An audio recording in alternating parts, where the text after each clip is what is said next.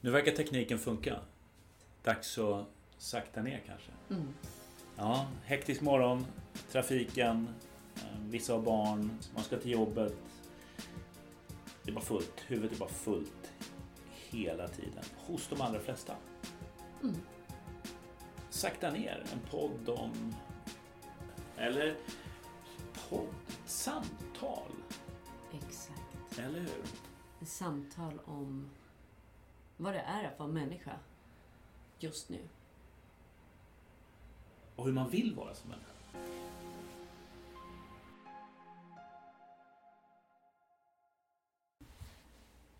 Ja du Malin. Mm. Sitter vi här igen i dessa vackra lokaler. Det är ju superhärligt. Du har Ja. massa böcker med dig idag. Ja.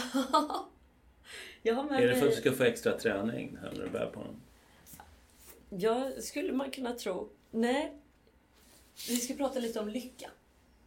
Vi kom in på det i förra avsnittet då vi började närma oss eh, den här kortsiktiga jakten på stimuli och dopamin. Och vi kom in på det i form av konsumtion och eh, våra beteenden som någonstans syftar till att eh, uppbringa den här känslan av glädje eller lycka, tillfredsställelse. Och efter det samtalet Peter så började jag liksom lägga ihop lite småbitar som jag har plockat upp här och där. Och därför så har jag med mig de här böckerna. Jag har med mig boken från Dalai Lama och Desmond Tutu som heter Glädje. Och så har jag Brené Brown, Trotsa vildmarken. Och så har jag faktiskt en lyckostudie från Harvard som är den längsta studien kring lycka som har gjorts. Och den har pågått i över 80 år.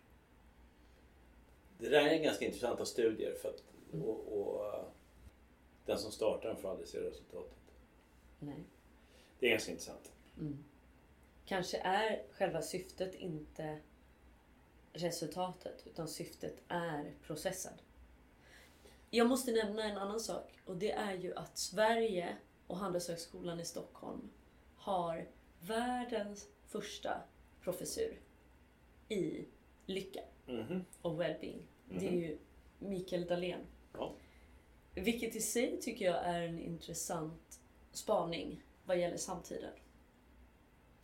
Så Peter, vad tänker du? Vad är lycka? Ja, vad är lycka? Vad är lycka för mig? Det, det finns så många olika aspekter av den tror jag. Lycka är att se andra lyckas. Lycka är att se eh, barn dra iväg ut i vuxenlivet som vuxna, inte som barn. Att de liksom klarar av att stå på egna ben. Lycka är att vara i skogen eller vara utomhus och eh, gärna jobba lite med kroppen. Så det, det är lycka. Lycka kan vara att läsa en bra bok. Lycka kan vara att se grönsaker, örter och gräs växa. Lycka kan vara att göra ingenting och ligga på en brygga och lyssna på vattnet som kluckar. Jag tror att det är svåra för mig att tro att livet är lycka, punkt. Ehm, för att ehm, ingen resa är rak. Allt går lite upp och ner. En affärsplan för att nå målet går lite upp och ner. Och en relation går lite upp och ner. Och hela livet består av konflikter. Och, ja, och det behöver inte vara stor grej för att jag säger konflikt. Och en relation bygger på ett givande och tagande. Och, i givande och tagande så kan ju lycka vara att se någon annan bli lycklig för att man har givit och inte tagit. Lycka är komplicerat tror jag. Och lycka kan gärna förväxlas med andra saker väldigt ofta. Eh, lycka för mig idag är ju någonting annat än lycka för mig när jag var 33 kanske. Och då kanske lycka för mig var... Och, och det var ju inte sann lycka. Det, det ser man ju nu men ganska materialistiskt. Så här, ny bil, ja men den är kul i två veckor.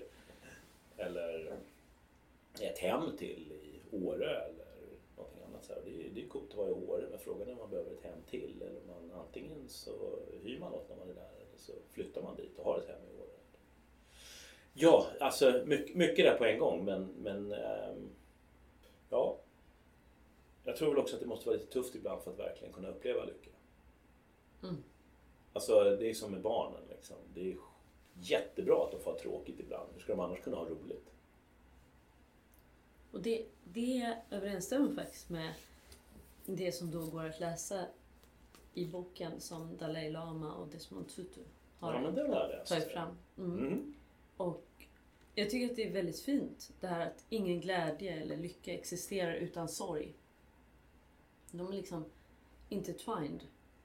Och i själva verket så är det smärtan, lidandet som tillåter oss att mm. känna och uppskatta glädjen. Men det är yin och yang, inte det? Liksom. Så mm. Det är ingen, ingen kärlek utan sorg, ingen, eller ingen kärlek mm. utan in, inte roligt utan tråkigt. Mm. Alltså, de, de och ljus och mörker. Ljus och mörker. Allt det här måste nog eh, mm. finnas annars kan man inte uppskatta det ena eller det andra. Tror jag. Ja. Så ju mer vi kan ta in alla sidor, alla delar. Ju mer vi kan ta in lidandet, mörkret, det tråkiga, det slentrianmässiga. Ju mer vi kan ta in det, desto mer kan vi också ta in motsatsen. Och någonstans så tror jag att lycka är ett varande. Jag tror, att, jag tror att det är mer ett varande. Det är mer state of being än en tillfällig liksom, emotion som kommer över oss. Jag tror att det är någonting som vi genom att fostra rutiner, ta hand om oss själva, ge och bidra kan skapa den här djupt rotade känslan av lycka, tursamhet, glädje och att den liksom kan finnas även i, även i smärtan, även i lidandet så tänker jag att den kan finnas där, kanske lite paradoxalt, men att den kan finnas där samtidigt. Att glädjen inte är en tillfällighet, utan glädjen är egentligen någon form av grund i vem vi faktiskt är.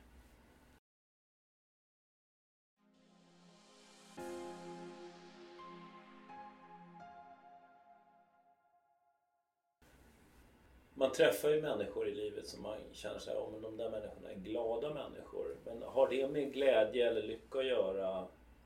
Eller har det väldigt mycket med harmoni att göra? Att man har tillåtit sig själv? Eller att man är harmonisk? Jag vet, jag vet inte. Var... Ett vackert hus behöver en stabil grund någonstans, mm. eller hur? Är grunden lycka eller är grunden någonting annat? Mm. Jag går till mig själv, min egen liksom, relation med mig själv och med andra. Då känner jag att den här lyckan är en del av grunden.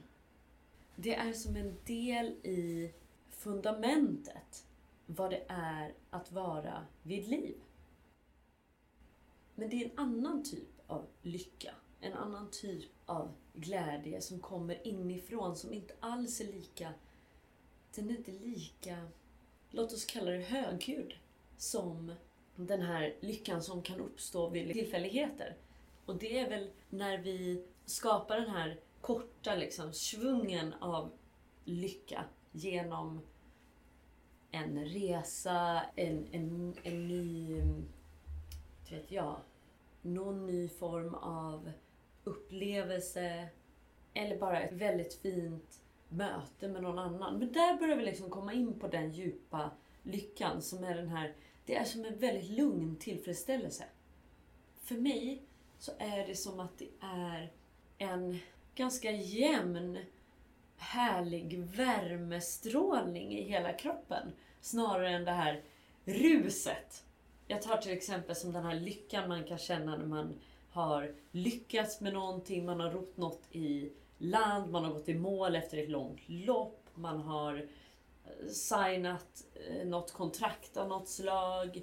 Man har tagit två glas champagne. Eller köpt den där fantastiska klänningen eller vad det nu kan vara som kan ge den där så här, ruset. Fast är det lycka eller är det tillfredsställelse eller är lycka och tillfredsställelse närbesläktade? För mig är det mer tillfredsställelse. Exakt. Det är det som jag tror är den här särskiljningen som är det där tillfälliga lilla ruset. Man skulle väl kunna säga att det är tillfällig lycka eller glädje eller tillfredsställelse. Det viktiga kanske inte är begreppet och ordet utan det viktiga är när vi börjar utforska nyanserna och börjar särskilja och se att det faktiskt är olika saker som är i spel.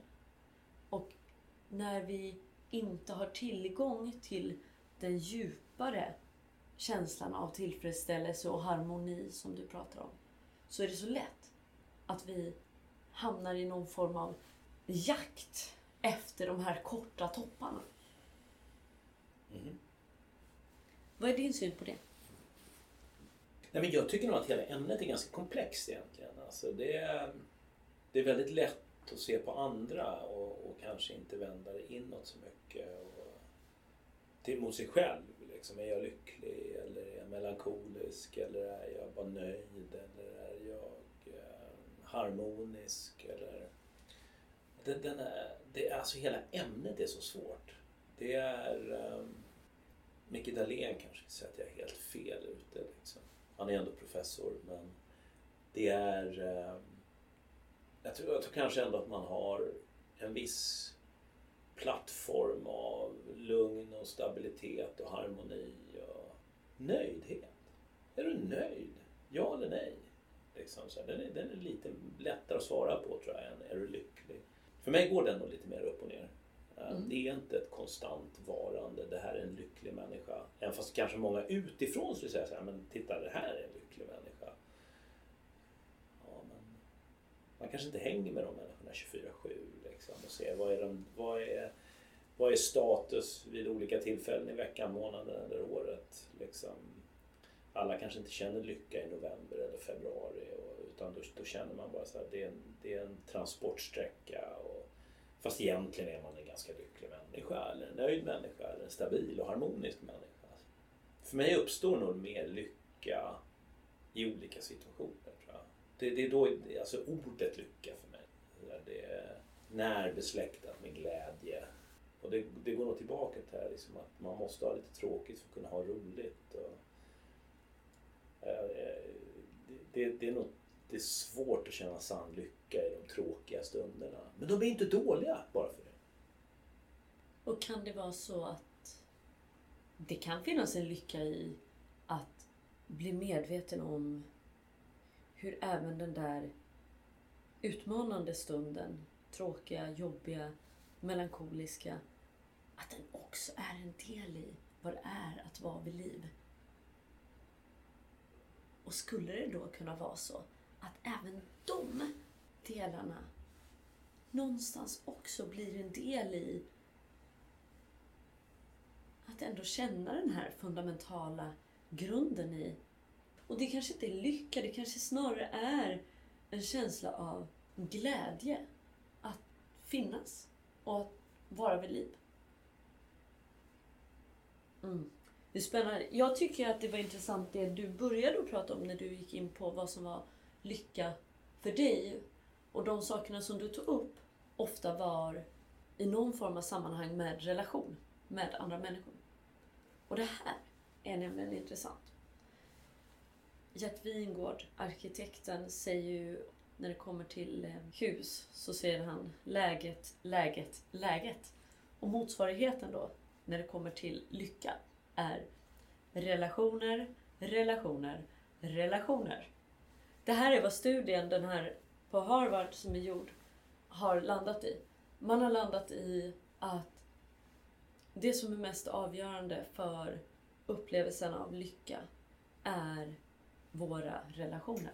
Jo men det tror jag, det, liksom, det, det, jag betvivlar inte det för att det är ju eller så här, de blå zonerna, varför lever människor längre mm. i vissa delar av världen? Och, och det, det de har gemensamt i de här zonerna det är ju faktiskt social närvaro och eh, att umgås med andra människor. Mm. Um, så att ja, det, det är relationer som, som, som gör att man till mångt och mycket blir lycklig och att man blir äldre och att man eh, känner lycka. Mm. Um, jag, jag tror inte att eh, ett, ett liv i sorg eller ett liv i att vara arg eller ett liv i att inte må bra gör att man blir särskilt gammal. Så det, det, där, det, där, det där tror jag absolut på. Um, och, och, och likadant med liksom arkitektur eller vart man ska bo. Um, det, det var ganska roligt. Det, det finns ju en, en, en tv-serie som heter en, idi, en idiot på resa tror jag som är, som är ganska rolig. Så här, som Garveus um, har gjort, den här engelska uh, skådespelaren och komikern. Men, men den här killen som han skickar ut på de här resorna och som han, ursäkta språket, jävlas med hela tiden för att han tycker att det är lite roligt. Att, och den här killen som är ute och reser, han, han vill helst sitta hemma i soffan och äta crisps och ta en öl och titta på TV och ha sitt vanliga liv. Liksom. Det, sådär. Men vid, vid något tillfälle, jag kommer inte ihåg vart han var någonstans, och då, han, han blev tillfrågad så här, men vilken, vart vill du bo någonstans? På ena sidan gatan är ett jättefult hus och på den andra sidan gatan är ett jättevackert hus. Och sa han, men självklart vill jag ju bo i det fula huset. För då får jag ju se det vackra huset. Um, och igen, det är ju läge, läge, läge. Liksom. Mm. För att det fula huset kan ju vara vackert på insidan medan uh, det där uh, vackra huset, uh, det är det han kommer att vila ögonen på. Ja, men jag, jag, så jag, jag, jag tror ju på de där grejerna. Och, jag, jag, tror mer det här med relation, relation, relation. Det för mig, det går ju tillbaka till Ikigai också. Nästan allt jag tänker på i, nu för tiden liksom, kommer tillbaka dit på ett eller annat sätt. Vad vill jag jobba med? Vad vill jag göra på min fritid? Vad, hur vill jag leva? Jag tror att man kommer fram till det genom att lägga tid på Ikigai. Mm. För om lycka hänger ihop med relationer, då är det ju rimligt att kolla på hur vi som människor relaterar till oss själva och till varandra som en grund egentligen Mhm. för lycka. Och där tyckte jag var så spännande då, för när jag, när jag hade liksom nästat ihop de här delarna så var jag tvungen att gå till Brené Brown som jag tycker är, är väldigt spännande. Och hon pratar om det här med tillhörighet. När det kommer till tillhörighet, att kunna känna tillhörighet. För att kunna göra det så behöver vi vara oss själva. Och det är först när vi är oss själva som äkta tillhörighet uppstår.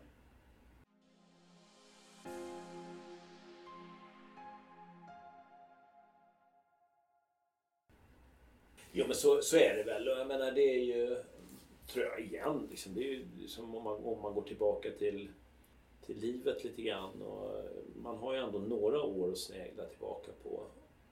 Om man går tillbaka till corporate life. Mm. De flesta blir anställda eller befordrade på grund av vilka de är. Men ganska många hamnar i fällan av att åh, nu blev jag befordrad till ett jättestort jobb. Vem vill jag vara? Vänta, vänta, vänta nu. Det, du blev anställd eller du blev befordrad på grund av den du är. Mm. Inte på grund av vem du ska vara framåt. De förväntar sig inte en personlighetsförändring. Och det är väl det, så det är, det är, jag, jag håller med. Liksom. Man måste vara den man är för att sen passa in i ett sammanhang. Och när man försöker att vara något man inte är så lyser det igenom. Tror jag. Liksom man, eh, liksom, när kommer de på mig? Jo, men det, det gör man förr eller senare. Du kan inte hålla ett sken uppe hur länge som helst. Ja, och det är väl därför som man måste ha, få ha dagar som är dåliga och dagar som är bra och, och, och liksom kunna svänga. Och, och de som är verkliga vänner och de som bryr sig, de kommer ju acceptera det medan andra kanske inte kommer göra det. Och, ja, det där blev en lång utläggning, men ja, absolut. Men jag tror också att alla har behovet av att vara en del av ett sammanhang. Absolut. Det som är intressant det här med ett sammanhang är att du kan ju vara i ett sammanhang och samtidigt om du inte är dig själv utan är då en karaktär, du, du går in i en roll, du försöker vara den du tänker att du ska vara för att få vara med i det här sammanhanget. Då spelar det kanske inte så stor roll för du kommer ändå inte känna, känna tillhörighet. Visst, du har ett ställe du får gå till där du får vara med men du tolkar hela tiden in att det är på premissen att du döljer sidor hos dig själv eller försöker framstå på ett visst sätt. Och där i tror jag att en stor utmaning ligger i att skapa sammanhang där människor på riktigt känner den här tillhörigheten. Vilket då på riktigt skapar den här grunden som vi pratar om som egentligen är lycka, tillfredsställelse, harmoni, glädje kollar man på ledarskapet så tror jag verkligen att det börjar med ledaren själv. Kan ledaren själv vara äkta, sann? Och här är det intressant för jag tycker ju, eller i min värld så är ju alla människor ledare. Det är bara att vi i, Alla.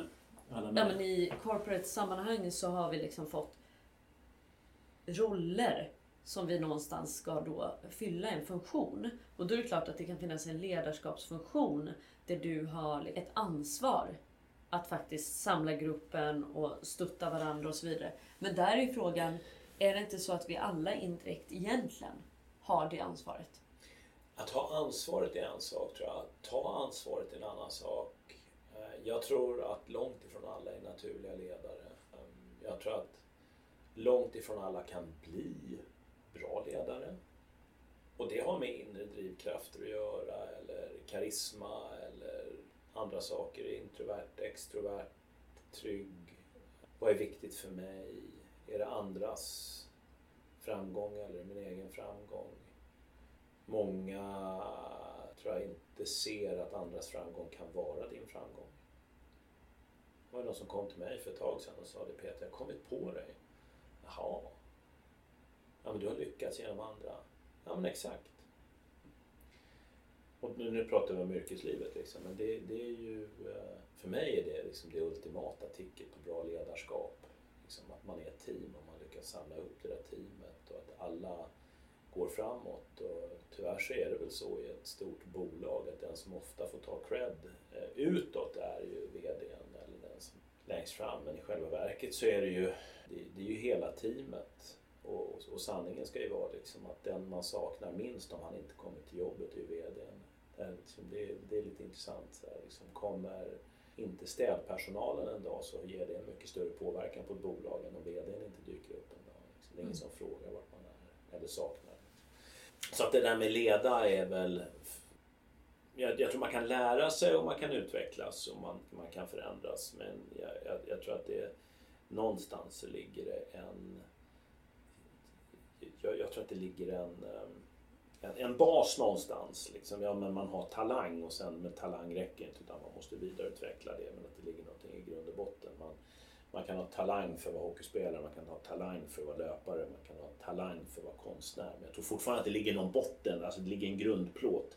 Sen, sen är det så att det räcker inte med talang för att bli bäst eller sälja tavlor för 7 miljarder eller göra någonting annat. Utan det, det, det kräver ju år och, och förfining och träning och utveckling och så vidare. Och det är samma sak med ledarskapet. Men jag tror vissa, vissa är Vissa är lämpade för och gjorda för och andra är inte det. Och andra är gjorda för att eh, göra andra saker i livet och, och inte behöva coacha fram andra. Det, det, det, det är lite så här upp och ner. Och jag, jag, jag tycker väl det är bra. Tänk om alla hade samma talang och önskan och ville göra samma saker så här liksom. Ja, jag brukar säga det. Shit vilken tråkig värld om alla var som mig.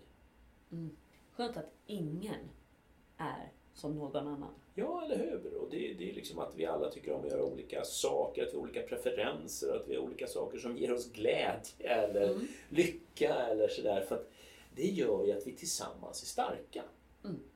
Jag tror jag förstår vad du menar. Samtidigt så är det någonting i mig som utforskar om det är sant. För jag tror att vi alla människor i grunden har förutsättningar att vara ledare, att, att kultivera de förmågorna och de egenskaperna som det är att vara ledare. Att vara i service av andra snarare än att få. Så ge snarare än att få, det är ju ledarskap i en essens. Samtidigt som att det, det märks när det kommer autentiskt och naturligt och genuint inifrån.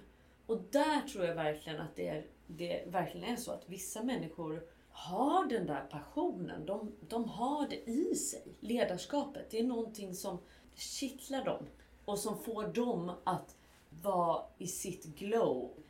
Jag är helt övertygad om att det är så. Och, och, men det är där också som jag tror att se skillnaden på att lyckas fullt ut och inte göra det, tror jag. Liksom.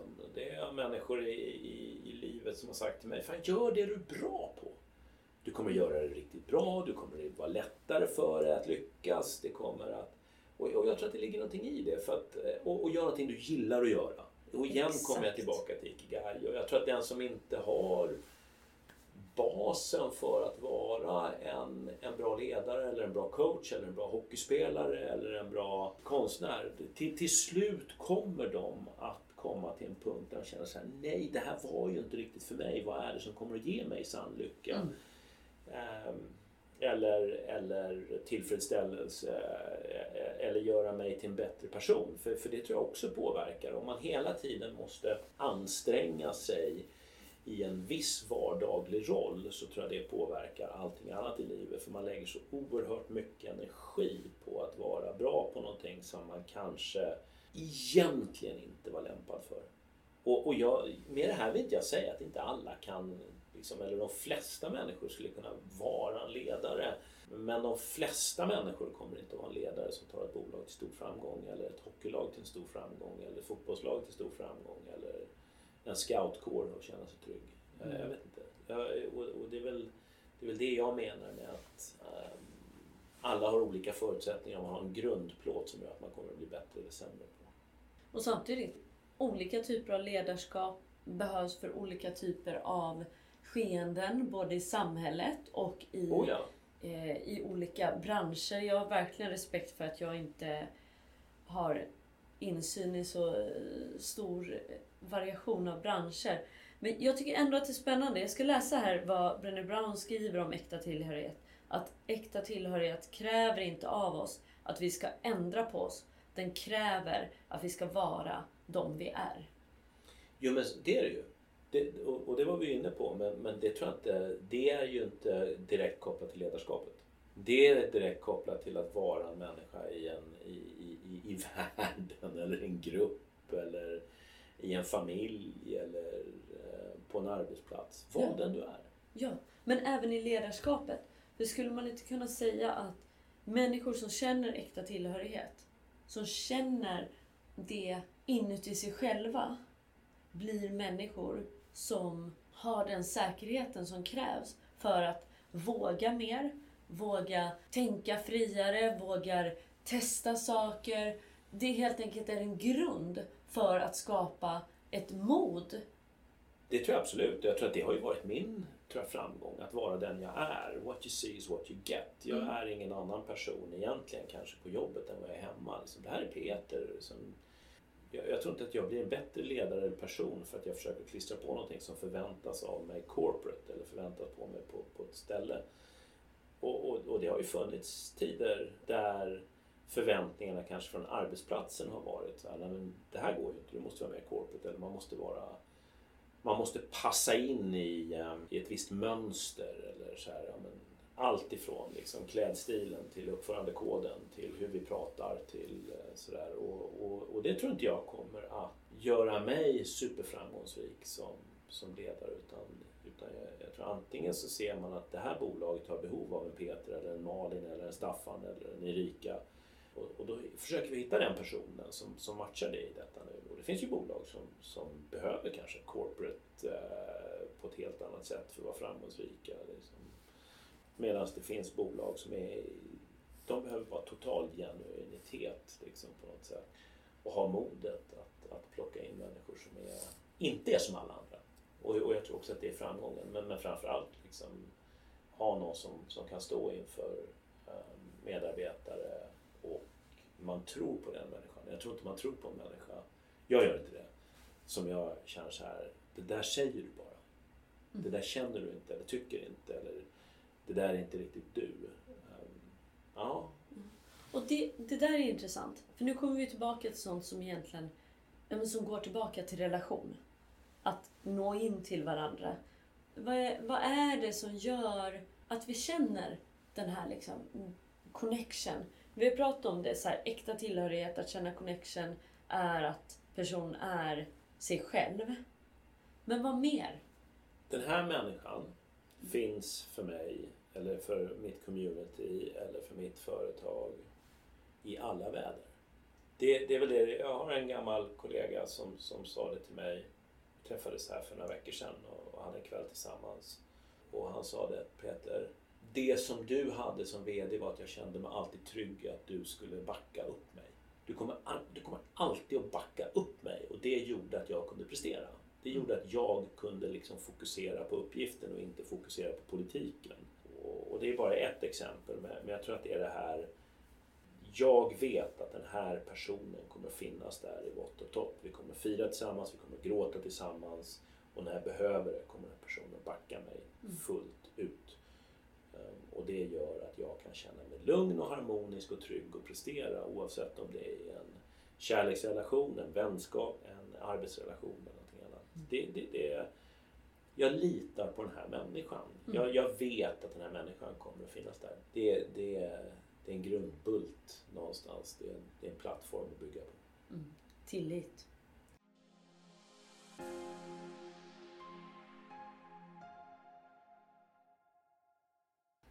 Så du har varit inne på det. Vad är tillit? Jag, jag tror att det är just det. Liksom. Det är någon som inte backar, det är någon som gör det de säger. Alltså det bygger ju väldigt mycket, alltså det är både fysiskt eh, agerande lika mycket som det är en känsla tror jag. Och, och, och väldigt många säger att ja, du, ska, du måste förtjäna tillit och förtroende. Och, och, jag tror att det är en av de sakerna som gör att vi lever i en ganska tråkig värld på vissa sätt. Så varför kan du inte bara lita på människan att börja med och sen, och sen utgå istället från att sabba inte den tilliten för då kommer det ta tid att komma tillbaka. Men liksom, och, och, och jag tror att jag går in i relationer och litar på människor och säger folk säger men du är naiv. Ja, men också ganska mänsklig.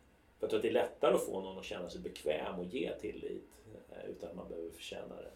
Mm. Eh, och att man känner att eh, shit, jag, um, den här människan tror på mig så att jag, jag behöver inte anstränga mig så mycket bara för att få den här tilliten utan jag visar att han hade rätt eller hon hade rätt. Kan lita på mig. Ja. Så tillit är ju en kan man säga att det också är en form av egenskap? För det är också så här, en förmåga som faktiskt vi medvetet kan utveckla, inte beroende av andra utan genom att gå inåt. Det tror jag absolut. Mm. Jag tror att alla förmågor går att utveckla. Så att jag tror inte att det finns någon förmåga som bara är så här, det här är naturligt och det här kommer att gå bra och du, du kan inte utveckla den. Jag, jag tror att allt, allt utvecklas. Mm. Människan föds ju med tillit. Det är ju en, en grund för att connect med, med de som tar hand om oss och till att, att överleva. Vi föds med tillit och sen under resans gång så blir vi mer och mer stängda och blir mer och mer misstänksamma. Och, Men blir vi inte det på grund av erfarenheter? Jo, på grund av att vi går igenom erfarenheter där vi upplever kanske smärta och besvikelse. Och samtidigt så kan vi acceptera de erfarenheterna och de upplevelserna och se dem som en del av livet också och inte låta det stänga oss. Utan snarare säga att well, det var det som hände då. Mm. Men det är inte det som är nu. Nej, men svek tuffsar ju till tillit. Jag menar, det, mm. så är det ju. Då behöver man ju komma tillbaka och då behöver man ju anstränga sig lite extra och, och lära sig av sina misstag. Jag. Ja, där någonstans så tror jag väldigt mycket på att alla människor gör det bästa de kan. Och när vi kan bättre så gör vi bättre. Så tror jag att när det är någon som sviker tilliten så handlar det om att den personen, den har inte, den har inte kunnat bättre. Det är inte någonting som du gör 100% medvetet. Utan jag tror att det är någonting som ligger där. Vi hamnar i... Vi sviker nog tillit snarare genom reaktiva beteenden än medveten respons. Och det där är ju också någonting som människor som har skrivit om det här med lycka pratar om. Det här att öka avståndet mellan stimuli och respons. För när vi lever i det här stimuli-reaktion så är vi så, vi går på instinkt och någonstans där har vi då någon gång upplevt smärta, blivit brända av elden och så vidare. Då, då är det precis som när du bränner dig på plattan, du drar bort fingrarna. Det är en reaktion. Och det har ett jättestort syfte i mänsklighetens överlevnad. Samtidigt så är det svårt för oss att särskilja att bränna sig på en platta versus att bli emotionellt sårad av att en annan människa kanske uttrycker sig på ett visst sätt som vi tar till oss som att det är någonting som är fel med oss eller att vi har gjort någonting som är fel, att vi har misslyckats. Så om vi där kan länga tiden mellan stimuli och respons så finns en mycket större sannolikhet att vi agerar på ett sätt som ger liksom långsiktig tillfredsställelse. Visst är det så. Och det där är ju intressant för om man går till forskningen om hur vi människor har fastnat i det här. På något sätt som ett överlevnadsmönster så tror vi att vi ska skaffa oss den här tillfredsställelsen. Snabbt, snabbt, snabbt. Mer, mer, mer. Fyll på den redan överfulla garderoben eller eh, förrådet eller skaffa en tredje bil eller vad det nu kan vara. Det, är så här, det finns en hunger i oss människor som vi inte riktigt kan vara med. Vi kan inte sitta med den utan vi måste hela tiden bara föda den. Frågan är hur mänskligheten genom att sakta ner faktiskt skulle kunna genomföra beteendeförändringar som gynnar oss och vår egen och mänsklighetens välmående på lång sikt. Vad säger du? Är sakta ned ett första steg? Jag tror att det är ett, ett av de första, eh, ett steg tror jag. Kan man sakta ner utan självinsikt? Kan man eh, sakta ner utan att ha en purpose att göra eller förstå var man är? Eh, men, jag, men jag tror att eh, världen har ett behov av att sakta ner. Mm. Och, jag, jag tror att det är utifrån alla aspekter. Innan vi, innan vi tryckte på rekordknappen här idag så pratade vi om miljö. ehm, vi flyger fram och tillbaka hit och dit och det vi har så bråttom och vi ska se allting och vi ska uppleva allting. Och det blir lite mer wow än, än, än underbart kanske. Och, och ja, jag tror att vi har behov av att sakta ner ehm, i så många olika aspekter av livet. Tror jag. För mig finns det få saker som gör så stor skillnad som att vara ute i naturen och i skogen. Och, och det, det kan ju vara så att det om jag har haft en, en tuff period då räcker det inte med en timme i skogen utan den första timmen är jag fortfarande stressad, den andra timmen är jag lite mindre stressad och timme åtta när jag är ute och går då, då känner jag närvaro och, och harmoni på något sätt. Och sen sitter det där i ett tag. Ehm, så att, och det, det är också sagt Annie. Mm, absolut. Jag tänker det, du pratar om en självinsikt, så hur kan vi möta oss själva om vi indirekt hela tiden är på flykt från oss själva? Genom att vara reaktiva och vara i det här höga tempot och det här stressen. Nej, men det är nog svårt. Och jag tror någonstans att vi har inbyggt i oss att vi, liksom, det finns någon förväntan på leverans hela tiden och vara framgångsrik och det ena och det andra. Och, och, och det är ju den värld vi har byggt upp någonstans. Men jag, jag, det, det är ju dags att förändra det. Liksom. Och det har ju det har bara blivit tuffare och tuffare. Jag började ju min karriär när det bara fanns stationära datorer och inga mobiltelefoner. Och det är ju en jättestor skillnad på då och nu. Jag menar i form av stress, i form av prestation, i form av att alltid vara tillgänglig, i form av att man liksom är uppkopplad. Och och det, det bidrar väl också. Men, men ja, vi har en... Vi har en ja, alltså mänskligheten har ett behov av att backa lite grann och ta steg tillbaka. Jag menar, det här är ju så mycket forskning som säger liksom barn ska inte hålla på med skärmar när de är små, du ska inte ha en skärm när du ska gå och lägga dig. Vad är det som skapar mest tillfredsställelse och glädje? Det är relationer. Så att, och allt det där bygger ju någonstans på att sakta ner och, och gå in i sig själv.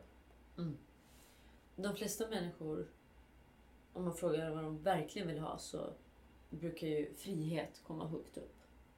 Mm. Känslan av att man känner sig lycklig.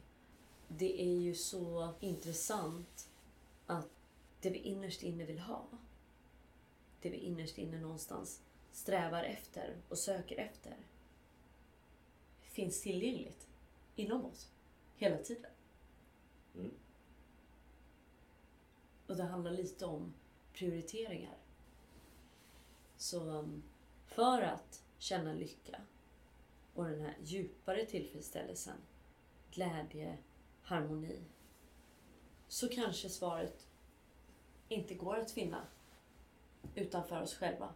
Utan det börjar där på insidan. Alla svar finns nog i oss själva. Sen kan Mm. vissa behöva mer hjälp än andra för att finna den. Det tror jag. Ett av de absolut finaste råden som Dalai Lama och Desmond Tutu skriver så är det att eh, källan till sann glädje ligger i våra relationer då till andra människor.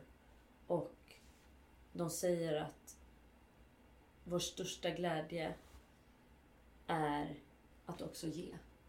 Så är det. var där jag började någonstans. Och se andra Exakt. lyckas. Um, Mm. det, det är för mig samma där. Så lyckan är inte någonting som går att finna genom att vi söker den. Utan lyckan kommer uppstå som ett varande i oss när vi är oss själva, tar oss tid att se varandra, finnas för andra och hänge oss det som egentligen blir kanske att vara i service av något större än sig själv. säkert. Så... Vad säger du Peter? Jag tror att vi får ta upp den här dialogen nästa vecka igen. Det, det är ett stort um, ämne. Mm. De- Jag tycker det är spännande. Jag tycker att relationer, relationer med oss själva, relationer med andra, relationen till naturen, världen är så grundläggande i att utvecklas som människa. Ja, det finns många, många delar att ta hänsyn till. Mhm. Det viktigaste är inne i oss. Ja. Vi får ta lite tid under veckan och, och uppmärksamma vad som händer i oss när vi tar oss tiden att vara närvarande och äkta i mötet med oss själva och med andra. Absolut. Ska vi säga så? Vi säger så. Tack för den här gången. Tack.